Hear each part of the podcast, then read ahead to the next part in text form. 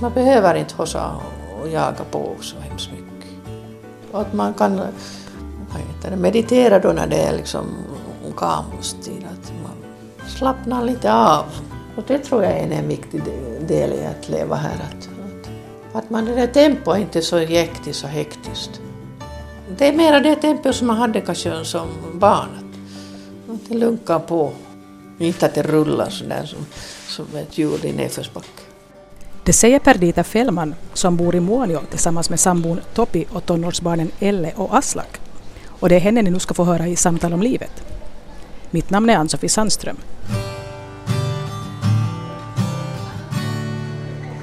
Jag hade stämt träff med Perdita en lördag i början av april på ett bensinstationscafé i Muonio. Hej. Hej, ja. Ska vi gå? Perdita föreslog att vi skulle gå till hennes arbetsplats, biblioteket, för att kunna prata ostört. Där är post. Eller där var posten förut, postbanken. Hon rör sig med sparkstötting och jag traskar bredvid. För ett par år sedan började jag till min egen stora förvåning känna en viss dragning till Lappland. Så när jag i vintras fick höra talas om Perdita, som är hemma från södra Finland men som har bott långt uppe i norr sedan mitten av 80-talet, så fick jag lust att söka upp henne för att samtala om livet. Det är bara öppet eh, vardagar. Perdita visar mig runt i biblioteket. Här är mitt eh, och min kollegas råddiga rum. Här är. Kom, Vänta lite. Jag får också bekanta mig med hennes huvudsakliga arbetsplats, den samnordiska bokbussen som står i garaget eftersom det är lördag. Här kan du få titta.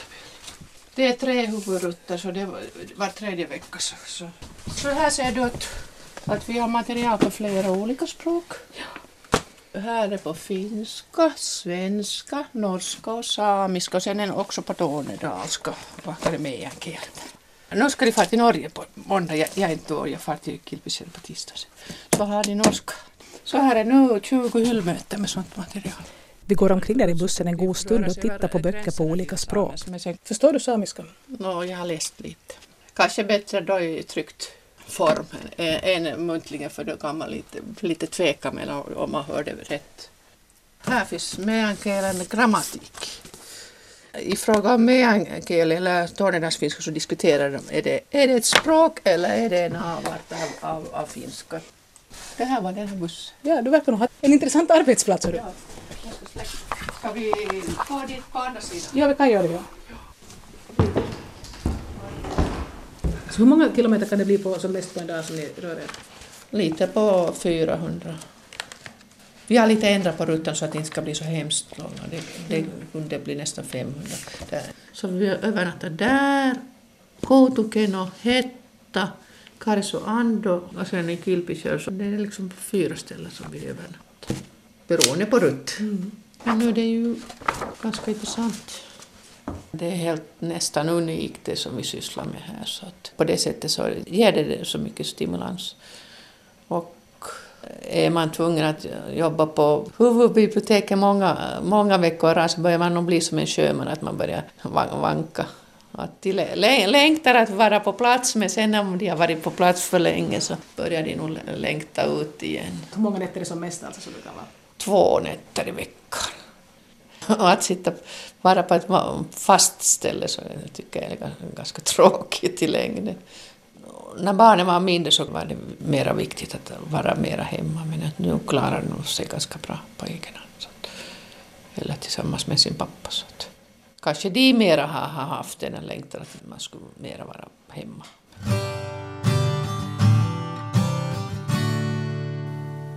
Vi har redan hunnit prata ganska mycket när vi till slut slår oss ner vid ett bord för att påbörja det här samtalet på riktigt. Men jag föreslår att vi ändå börjar med en presentation. Jag är Perdita Fällman och jag bor i Lappland, närmare bestämt i en kommun som heter Månö. Här, i, här rakt under den här armen finns en armhåla och där, där bor jag för min, min nuvarande arbetsplats befinner sig just här i Tornedalen och upp mot alla de där gränserna. Jag jobbar på en samnordisk bokbuss och som har verkat i, vad blir det nu, 31 år. 79 på sommaren startade den här verksamheten, men jag var inte med från början. utan Jag kom våren 86. Före det så hade jag jobbat tre år i, Esbo på olika avdelningar. bland annat i Hagalund och sen på anskaffningsavdelningen. Den sista tjänsten i Esbo var på bokhusavdelningen. Och jag har förstått att du är liksom från södra Finland? Ja, jag är från söder. Jag gick i Sossokom, alltså social och kommunalhögskola, på den sista bibliotekskursen som arrangerades där. Men du hade växt upp också där i trakten? Du... No, egentligen bodde mina föräldrar i Borgå och jobbade där så, så jag vuxit upp i Borgå. Sen, sen har vi från vår mammas sida vissa anknytningspunkter till Åbo, Åboland, närmast i Korpo, skärgården där. Men du har inte någon anknytning till Lappland från tidigare, att du skulle ha några släktingar härifrån eller sådär? Nej, egentligen inte, men, men via min faders förfäder så har vi anknytning till Lappland. För de var präster och de verkar här i Lappland, men de kom sen att flytta ner eh, söderut till Uleborg och sen vidare söderut till vad heter Lappajärven. Vår, vår anfar flyttade sen från Utsjoki till Lappajärvi och sen flyttade de sen, deras barn sen vidare. Pappa och mamma pratade alltid om att de skulle fara till Utsjoki när vi var små, men, men aldrig, aldrig kom han att få komma dit för jag vet inte, han var inte så för de där lutheranska prästerna så att säga. Och sin fars släktsida. Så att, jag vet inte, han hade en viss sån lite kluven inställning till det. Det här var ingenting som Perdita Fellman tänkte på när hon valde att söka jobb i Muonio. Ändå tror hon nog nu att det på något sätt påverkar henne. Men hur kom det då sig att hon valde att i mitten av 80-talet flytta till Lappland? No, jag hade nog tänkt att jag kanske inte stannar kvar i Helsingforstrakten. Så, så är den här en annons i, vad det nu, Kirjastolehti och så sökte jag, men det året fick jag inte, det var 85. Och sen prövade jag följande år och då, då var det inte så många sökande så på den vägen. Åkte du hit som singel eller åkte du hit som, hade du familj då redan? Nej, jag hade en, en pojkvän och han kom sen lite senare efter. Det är ju inte alla som går med på att följa med till Lappland. No, men han, han var från Karelen så han kanske tänkte att man, man kan ju pröva på det också. Hur kändes det då att flytta från huvudstadsregionen till ett litet ställe 200 kilometer norr om polcirkeln? No, inte är det så stor skillnad från om man jämför med, med skärgården. Man ska komma bra överens med sig själv och så, så finns inte all service på, på det ställe där man bor. Att man måste ändå ta sig någonstans. Antingen med, med bil eller båt eller buss. Eller de kommunikationer som finns. Det har en viss charm nog. Det är ganska mycket som påminner om det, det som man har upplevt då, som barn. Förutom att det kanske då här kan vara både kallare och mörkare och ljusare än vad det någonsin kan vara där var du? Nå jo, i och för sig, men att jag tycker det är bara fascinerande med den där kamostiden. Det har ett visst lugn och inte är det så mörkt. Om det är snö så är det inte så mörkt. Och den här kölden inte stör den mig så. För, för mig är den finaste tiden nog här från november, december till, till april. Sen, sen är den lappländska sommaren är inte för mig så hemskt speciell. För då ska, jag störs inte av myggor. Men att jag inte är någon ivrig bärplockare för då ska man syssla med bärplockning och springa på hjortronmossar. Men att jag har nog aldrig tyckt om att plocka så mycket bär så jag är lat med det. Så därför är det inte så speciellt. Far du bort på sommaren då när du har no, semester? Och om jag kan så, så brukar jag vara i skärgården, läkare. Så att det, det, är inte så speciellt. Det, det kommer så snabbt och så plötsligt så försvinner det. Sen kommer den här så kallade ruskan och den är också bara en kort tid. Det är vackert men det kan vara lika vackert eh, någon annanstans med de där gula och röda löven. Så. Du gillar vintern här? Vintern. Ja, fast jag är inte någon sån här Nej, jag är ingen hurtbulle, ingen hikipinko jag på skidor eller, eller varken åka slalom eller skidor mycket men, men ändå så gillar jag ändå. Men sparkstötting hade du? No, sparkstöttingskidor har jag nog. Till första åren så skidade vi ganska mycket på de här olika ställena för att inte hårt, men vi skidade för att bekanta oss med trakterna. Vi får upp på flakaskidor så får vi upp till alla till Ylläs och Pallas och Levi och skida ner sen på våra egna vägar. Så att de här rutterna och skidspåren här är ganska fina nog. Numera är jag så lat så jag orkar inte släpa mig till Ålås eller Pallas så, så jag skidar nu på våren där på, på isen nära gränsen. Det finns en sån här Muonionjärvi och där skidar jag och sen kan man skida över dit till svenska sidan till Muonionvaara. Det är klart, det är det med att köpa snöskoter och far. Det är lättare att ta sig fram och snabbare men att det är kanske inte lika fint och natur naturhållbart att fara fram på snöskoter. Vi har ingen snöskoter, vi har bara sparkstöttingar och skidor. Var det då tänkt från början att Perdita och hennes pojkvän skulle komma hit för att stanna? Nej, inte fanns det väl något beslut om varken si eller så. Det har nu bara blivit så. Och numera lönar sig inte att flytta för jag skulle inte få något ordentligt jobb. Jag skulle kanske få, men det skulle vara ganska slött jobb för att jag tycker att biblioteksjobbet på många håll har blivit mycket tråkigare än förut. Och dessutom eh, lönen skulle kanske inte vara lika bra. För jag, jag får vissa sådana, vad vi kallar det här kallortstillägg eller dyrortstillägg här, för att vi bor här uppe. Det var förr för, när de ville locka utbildad arbetskraft, lärare och gränsbevakare och hälsopersonal och, och så hade vi också ett litet tillägg på lönen för att det skulle komma utbildad arbetskraft. Det är ju inte en hög lön jag, ha, jag har, men ändå, ändå kanske lite bättre skulle eh, att leva här eh, än någonstans i Helsingforstrakten. Och det låter det som du skulle ha ganska intressant jobb att få röra dig här mellan olika länder och olika ställen. Att det... Jo, och det, det är just det som är utmaningen. Å ena sidan att kunna de där olika språken, kunna betjäna dem och veta och följa med. Men att det gör ju att den ena, dag, ena veckan eller ena dagen inte alls är lik och det, dessutom är det ganska socialt och viktigt arbete. Vi fyller en sån här mental, social, vad ska man säga, socialterapeutisk eller mentalvårdsfunktion i och med att allting läggs ner, både post och butik och skola och det försvinner. Det, det, det kommer ingenting till i vissa byar. Så att det här är nästan den sista servicen som kommer utifrån. Så det blir bara viktigare med åren, alltså, ja. alltså om allt möjligt annat läggs ja. ner? Det finns vissa rutter eh, när vi åker på svenska sidan så det, så det är viktigt att gå in i de där stugorna och dricka det kaffe fast man har just druckit kaffe på ett annat ställe. För, för det, dem är det en rit och en sån här, det är en, nästan en helig handling så att säga. Det är inte bara det där att man dricker kaffe utan det är någonting förutom det där kaffet. Jag, jag kan inte förklara det men det är metafysiskt. Det håller uppe en sån funktion. Att det är inte bara det att man lånar böcker, det, det är också en viktig sak att man, man ger kunskap och sysslar med kultur och bildning men den här sociala sidan av saken är lika viktig. Och det kan man inte poängtera tillräckligt. Jag brukar alltid säga när det kommer någon sådana, från sådana olika myndigheter att, att det är inte bara statistiken ni ska fästa er vid. Att det, att det finns sådana faktorer eller, som inte kan mätas i, i siffror som är lika viktiga. Bokbussen står mellan 15 minuter och en timme på de olika hållplatserna.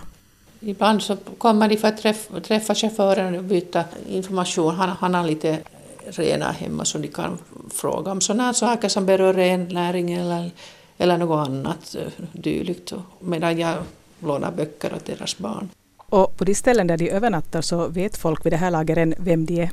Man är ju en ganska officiell person så genast om man övernattar på något ställe så börjar de prata böcker. Eller liksom. De vet ju att det är bokskjuts, eh, Kirja eller bokbusschauffören och där är bokbussbibliotekarien. Man är, liksom, det är som där som förr i världen att läkaren var läkare och, läraren var lärare och kanton är kanton och att man har sin roll.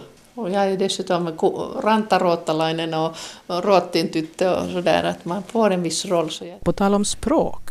På jobbet pratar Perdita Fällman flera olika språk. Men vilket eller vilka språk pratar hon där hemma? Ja, men mannen han är en sån latmask, så han, fast han har jobbat i Sverige så något tag så jag pratar finska med honom och han pratar finska och barn, med barnen pratar jag svenska. Jag har en flicka som just har blivit myndig och sen har jag en pojke som är 14 så, med den pratar jag svenska, så de har sen kontakt med sina svenskspråkiga släktingar. Finns det andra svenskspråkiga de kan prata med här? Det fanns eh, vissa som har jobbat i Sverige, i LKABs gruvor eller där som, eller eh, jobbat i Sverige, så de kan eh, till en del svenska. Det finns vissa som kan nog här, men att de flesta pratar nog finska. Och visserligen ligger Muonio nära svenska gränsen, men på andra sidan gränsen så talar man ofta tornedalsfinska. Jag skulle säga att de som jobbar på kommunen kanske inte är sådär eh, flexibla i förhållande till språk. Men går man in på en vanlig bar eller bensinstation eller, eller butik så, så nu kan, den personalen kan oftast antingen norska eller svenska. I och med att de, de handlar och de säljer och så, så, så med, med dem är det helt möjligt att, att att prata svenska eller norska eller samiska. Kanske inte samiska här så mycket, men, men, men ändå svenska och norska. Så det, de har mycket mer flexibel och öppet sinne gentemot språken än, än sådana kommunpersonal i allmänhet. Perdita Fellman berättar att hon inte är någon sån där hurtbulle som är ute och skidar så fort hon har en chans. Så jag frågar var hon då helst är när hon inte är på jobb. Hemma på soffan om jag ens ryms där för att eller ockupera soffan. Och Aslak får sitta på golvet och spela sina dataspel för, för de bråkar så att. Men att vi tittar på filmer, olika sorter, antingen lånade DVD eller, eller såna Yle-temas eller andra såna kulturella filmer. Inte vet jag. I och med att man är mycket borta hemifrån så blir det så att veckosluten blir ofta så att man är hemma och slappar. Egentligen borde man städa men oftast, oftast så slappar man och gör ingenting. Alltså och som är motvikt, då vill man inte fara omkring och, och resa eller göra så hemskt mycket speciellt. Men, och dessutom om man har skiftesarbete så, så är det inte så lätt att delta i olika sådana föreningar eller i Medborgarinstitutets kursverksamhet för man, man vet aldrig om man är följande vecka på plats eller inte. Så om det är någon speciell sån här kurs som man borde delta i så är det nästan bäst om den hålls på veckoslut. Och nu försöker jag också skida också lite på våren, när man kan skida på isen där på Gränsälven. Att nu gör man ju någonting ändå, men att inte slappar man och så läser man deckare eller något dylikt. Det frågade så du, när du sa att din eh, dåvarande pojkvän kom med upp hit. Ja. Vad, vilken bransch är din man i när han också fick jobb här då eller?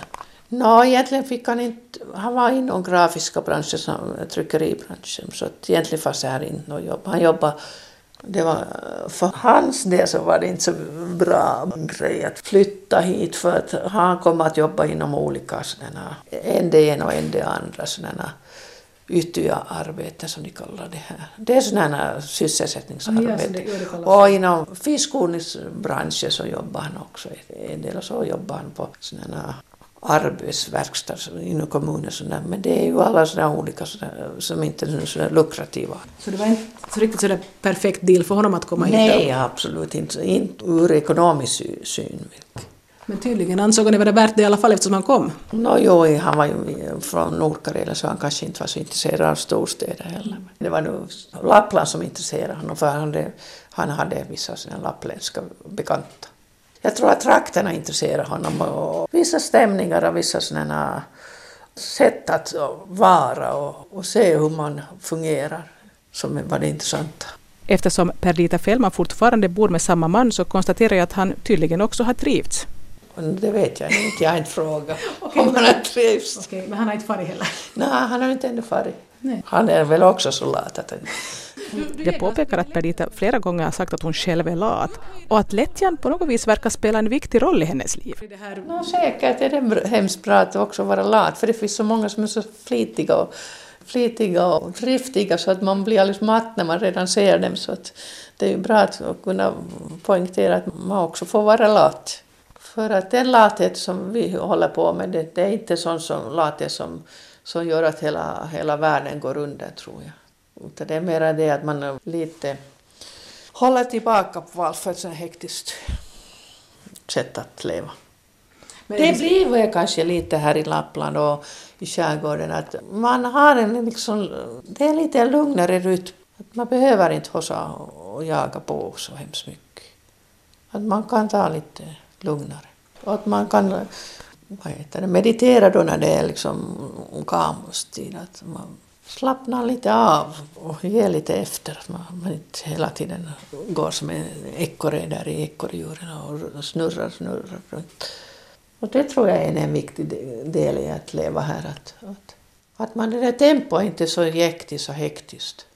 Det är mera det tempo som man hade kanske som barn. Att det lunkar på.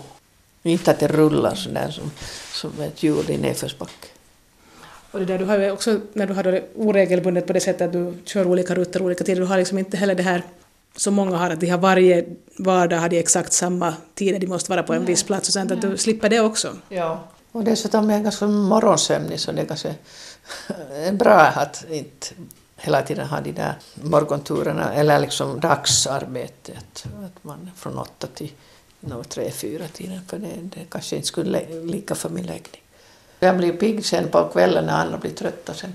Vi kommer åtta, nio in med bokbussen hit till garaget så här vid biblioteket så ofta så är det så att inte springer jag hem. Jag gör sådär som när man landar med en båt, man, man förtöjer och man ordnar med seglen eller man ordnar med motorn och man kollar att ankare håller eller, eller att de där förtöjningsstamparna håller. Att det, liksom, det är en viss att när man är i hamn eller när man har kommit till en plats så då är man inte riktigt färdig när man måste kolla till att allting är så som det ska vara och sen först så går man och äter eller, eller lägger sig eller tittar på TV eller något sånt.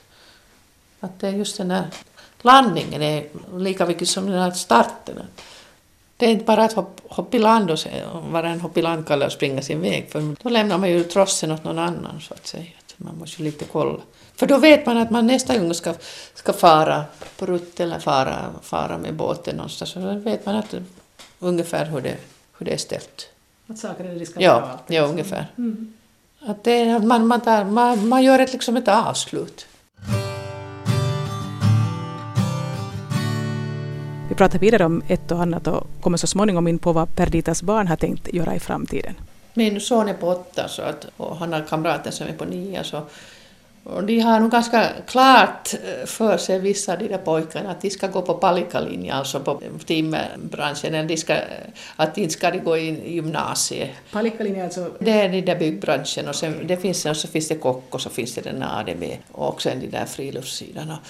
Det var förra veckan eller den här veckan så det var det provvecka så stannade han hemma för att läsa till något prov och kamraterna skulle ha ut honom och, och göra något bus eller något liknande. Så sa han att han ska stanna hemma och läsa så frågade han varför äh, gick du inte ut så sa han nej han ska nog läsa det här för det här att det är sista kursen i historia. Att, att, frågan vad ska de, där andra tänka göra? No, de, de ska nu gå på kock, kockslinjen eller palikalinjen eller bilmontörlinje, att de har så klart för sig vad de ska göra så att de, att de behöver de ägna sig åt sånt här. Men han har inte bestämt sig ännu vad han ska göra? Nej, han tänkte att han skulle bli professor i vad var det, rymdfysik. Men det sa han som 11-åring, men jag vet inte om det är det som egentligen gäller nu. Har dottern valt linjer än? Hon ska bli världsförbättrare i ekonomi. Det, det låter nog helt okej. Okay. Det får man nu se vad hon det blir. Hon är kvar här i trakten ännu eller hon får någon som studerar än? Hon är myndig? Nej, nej, nej, hon, hon går på gymnasiet. Hon, hon skulle på två år skriva gymnasiet men det lär nog inte bli på ännu på några år. Så, mm. så där är framtidsplanerna. Jag måste, var du liksom med, har du varit med på den tiden när man på 70-talet var hemskt engagerad i det här världsförbättrande, att man skulle på något vis via olika organisationer göra, få den här världen att bli Bättre. Ja, på ett eller annat sätt. Nå, lite på sladden för vi var ju lite yngre än de andra. Så att, nu kommer jag ihåg att själva Vietnamkriget var, betydde, betydde en, ett engagemang för oss och sen de där chilenska flyktingarna hade vi och, och feminismens, de där feministgruppernas start eller vad man ska säga, de moderna. Det, Har du varit med i sådant? Jo, är jag jo, i Rödkärringen till, till en del och sen, sen var det också sånt här via Emmaus lite, sån frivillighetsarbete. Att nu har jag varit med i lite sådana grupper. Finns det, här, men, det finns idealen kvar på något men, vis? Jo, i och för sig, men de kan ju lite ändra form och karaktär. Nu på gamla dagar så, så har de lockat med mig där i Röda Korsverksamheten här. Och jag nu tänkt att nu kan man ju lite stödja dem också. Så jag har nu varit där med lite där på sidan om. Är det via dig då som din dotter har fått någon sån här, att hon vill bli no, någon sorts världsförbättrare eller är det sånt bara som ungdomar har? Det är nog inte vet jag, men vi, släkten kanske är ganska sådär gapig och skrikig och diskuterande av sig så hon har nu kanske följt med dem och, och, och de har ju olika syn på politik och konst och allt möjligt annat, så natur och, och solkraft och allt möjligt. Så det där diskuterande och skrikande och härjande så, så kanske hon har snappat upp via mina svenskspråkiga släktingar så att säga. Inte, inte det Toppis släkt är inte på det sättet. Det är ju sådana metsaturusia som man skulle säga. Så det är liksom helt skilda kulturer. Att de, har ju liksom, de kan ju välja vilken kultur de kommer att, att vara intresserade Det finns ju på den karelska, eller den samiska, eller den lappländska eller den svenska. Ja, Tala om att ha att välja Att de har ju möjlighet att välja vad de vill, så att, att vilka sådana skärningspunkter som de vill knyta an. Har ni haft mycket kulturkrockar inom familjen? Jag menar, du har då en man som är hemma från Karelen och så vidare. Att det... no, jo, men vi, han är nu en, vi brukar säga en rasist, men att, men att vi kan överse med honom och ha stolligheter ibland. Och vissa saker är ju mycket intressanta också i den, och, och fina i den kulturen. Så att, så att inte det är helt dåligt ställt med oss. Men att, om man är på neutral mark så får man det. Men om man är på sin egen hemmaplan så kanske den, den kulturen tar över. Att det går kanske lättare när man är på neutral mark. Och ni är ju på sätt och vis på neutral mark. Ja, jag vet att vi bor i Lappland så behöver vi inte... Nå, vi skojar nu emellanåt också. Nåja, Elle har nu valt sin linje. Jag vet inte vad Aslak har för linje i förhållande till sin identitet, men det får man ju se sen. Men det finns ju en möjlighet för dem att, att rikta sina blickar norrut också. Mm. Bara har hon valt? Har hon valt, alltså, hon, har hon valt den finlandssvenska eller vad hon, hon har nog valt ganska mycket äh, finlandssvenska skärgårds... Eller det, det som hon har på somrarna sett, den, den linjen. Men att, det vet man ju sen. Aslak har mera... Han har en annan läggning så att han, han torkar kött ute och har avlagt jaktprov och fiskat med några kamrater här och, och som man säger på finska tuliställan, att man gör en brasa på öppen eld och kokar kokkaffe och, och sånt där, som mera sådana här traditionella, vad heter det, sådana verksamheter för pojkar här i trakten. Och köra snöskoter och, och släpa ner en massa vedträn och så gör de stora eldar och kokar sitt kaffe och, och äter sitt torkade kött och sådär. Att det, han, har liksom, han har anammat mera saker ur den här kulturen än, än sin stora syster. Men, att, men det behöver ju inte betyda att han vill stanna här. Han har möjlighet att välja allt möjligt. Liksom. möjlighet att välja, men jag tror att han har de där, själva de där intellektuella intressena kanske ligger på en annan nivå ändå. Att han kanske ändå vill, vill göra något annat än att gå på palikkalinjen. Men det får man nu se, det är ju deras val. Så länge de är något sånär eh, nöjda med sina, sina egna val. Vilka är då Perdita Fellmans egna framtidsplaner? Jag ska bli pensionär. Sen, Ser du fram emot det? Nå, jo, inte vet jag nu någon gång i framtiden kanske. Sen förklarar Perdita för mig att det inte finns någon garanti för att den här bokbussen ska fortsätta att rulla år efter år. Anslagen ges för ett år i taget. Ännu ett år rullar bussen så att, och den har nu rullat i 31 år så kanske den rullar ännu några år. Tills chauffören och jag blir pensionerade sen kan den upphöra. Nah, för de här människornas skull så vill man ju att, kanske, att de ska få något service ännu i framtiden så kan man nu bara tänka sådär egoistiskt på sig själv. Vad skulle vara plan B om du skulle få höra att om ett år så tar det här slut? No, då måste jag börja odla potatisar i Korpo då, åt mig själv och lägga ut nät och försöka livnära mig på något sånt Börja plocka bär och svamp då, jag vet inte. Jag måste ringa bara och kolla med min chaufför. Ja, man har blivit jag tänker gå hem nog. Jag måste gå före sex till butiken. Men det var lite med mig så ja, det glömde jag säga att, att alla andra får till Sverige och jobba men att jag hade tänkt att jag aldrig skulle få till Sverige när alla får till Sverige och de förtjänar på sommaren sina studiepengar ja. så att säga. Men, jag, jag, får inte jag, jag ska aldrig få till Sverige och jobba så. Ni har hört Perdita Fellman i Muonio i ett samtal om livet och mitt namn är Ann-Sofie Sandström. Jag kan ännu nämna att alla program i den här serien finns tillgängliga på arenan i ett år efter att de har sänts.